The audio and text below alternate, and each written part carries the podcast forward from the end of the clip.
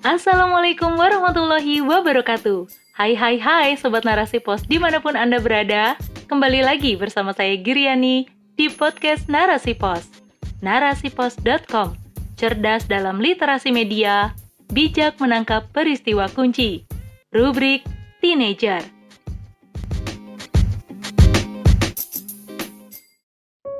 Musibah dan Muhasabah oleh Nur Hayati Guys, nggak kerasa ya, kita sekarang sudah berada di penghujung tahun.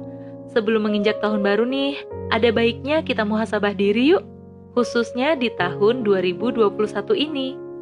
Guys, Masya Allah ya, ada banyak banget kejadian luar biasa yang menimpa bumi jelang akhir tahun ini. Mulai dari pandemi COVID-19 yang tak kunjung berakhir, dan banyaknya bencana alam terjadi silih berganti Sebut saja gempa bumi beberapa waktu lalu, serta banjir bandang yang melanda kota Batu di Malang. Yang terakhir adalah erupsi Gunung Semeru di Lumajang, Jawa Timur. Semburan awan panas yang dikeluarkannya mengakibatkan warga sekitar panik dan berlarian menghindari awan panas tersebut. Sebanyak 46 korban dikabarkan meninggal dunia dan 9 orang hilang dari peristiwa tersebut. Berbagai bencana tersebut membuat kita bersedih dan turut prihatin ya guys. Sudah banyak saudara-saudara kita yang kehilangan nyawanya sejak pandemi COVID-19 muncul di muka bumi ini. Sedih teramat dalam, apalagi yang telah mendahului kita adalah orang-orang yang solih, seperti para asatis, yang mana kita masih membutuhkan keberadaan mereka untuk meraup ilmunya dan kehadirannya di garda depan dalam memperjuangkan Islam. Innalillahi wa inna ilaihi roji'un. Ku ucapkan bagi yang telah mendahului berjumpa dengan Sang Pencipta. Sungguh, keadaan kita di akhir tahun ini menunjukkan bahwa kita ini bukan siapa-siapa, guys. Betapa kecilnya kita di hadapan Allah Subhanahu wa Ta'ala.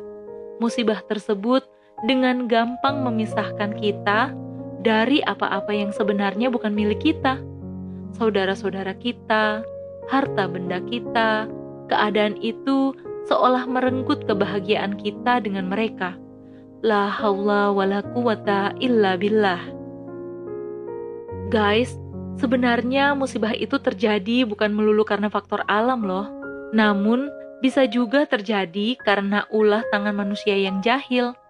Bagaimana tidak, banjir bandang terjadi disebabkan karena orang-orang melakukan penebangan pohon secara liar tapi tidak melakukan reboisasi, pun membuang sampah secara sembarangan. Kerusakan yang dilakukan oleh tangan manusia tentu akan berdampak pada manusia itu sendiri.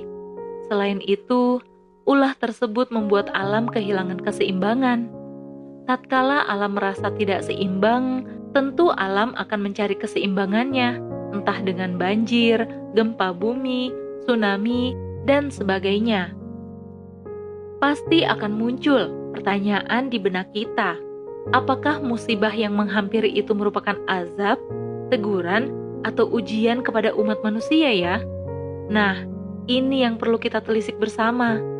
Jika secara komunal banyak yang tidak taat ataupun tidak menerapkan hukum Allah Subhanahu wa taala dalam kehidupan, maka itu merupakan azab.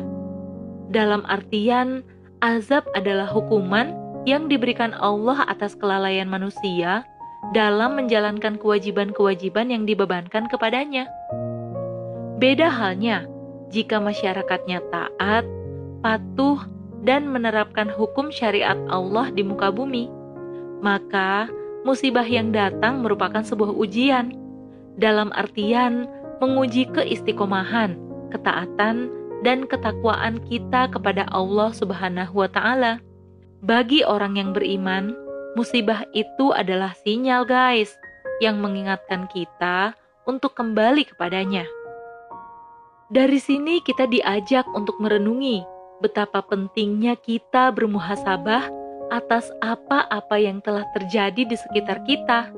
Kalaupun musibah yang datang adalah teguran Allah kepada kita, maka kita tanyakan pada diri masing-masing Sudahkah aturan-aturan Allah itu dilaksanakan dengan baik dan sempurna, baik secara personal maupun komunal? Banyaknya bencana yang melanda di negara kita tidak menutup kemungkinan karena tidak diterapkannya aturan Allah dalam kehidupan manusia. Kerusakan bumi seirama dengan kerusakan pada diri manusia. Banyaknya maksiat yang dilakukan manusia seperti riba, judi, perzinaan, aborsi, kecurangan, dan masih banyak lainnya yang dilakukan secara bebas tanpa batas. Ya, tanpa memperhatikan baik buruknya terhadap dirinya, keluarganya, serta masyarakat yang ada di sekitarnya.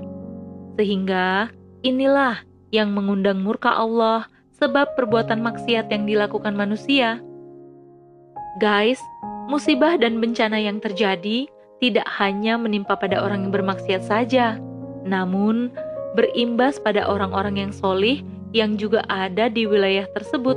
Sumana uzubillah akan tampak berbeda jika aturan Allah diterapkan di dalam kehidupan, sebagaimana yang pernah dilakukan oleh Rasulullah dan para sahabat yang menerapkan aturan Allah di bawah naungan daulah khilafah, yakni sistem kehidupan yang berasal dari Allah sebagai Sang Kholik, memberikan keamanan, perlindungan, dan kesejahteraan. Rahmat Allah yang tentunya tidak hanya dirasakan oleh orang Muslim saja, namun juga dirasakan oleh seluruh alam, sehingga potensi bencana akan berkurang seiring ketaatan manusia kepada Allah. Kepahitan dan kesedihan yang kita rasakan jangan membuat kita berputus asa dari rahmat Allah dan berpaling dari syariatnya.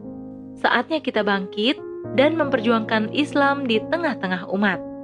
Selagi masih diberikan kenikmatan hidup, yuk istiqomah mengkaji Islam kafah guys. Dakwahkan ajaran Islam kepada saudara-saudara muslim kita, agar banyak yang memahami dan menyadari betapa pentingnya kehadiran daulah khilafah dalam kehidupan kita. Bismillah, takbir, Allahu Akbar. Wallahu a'lam bisawab.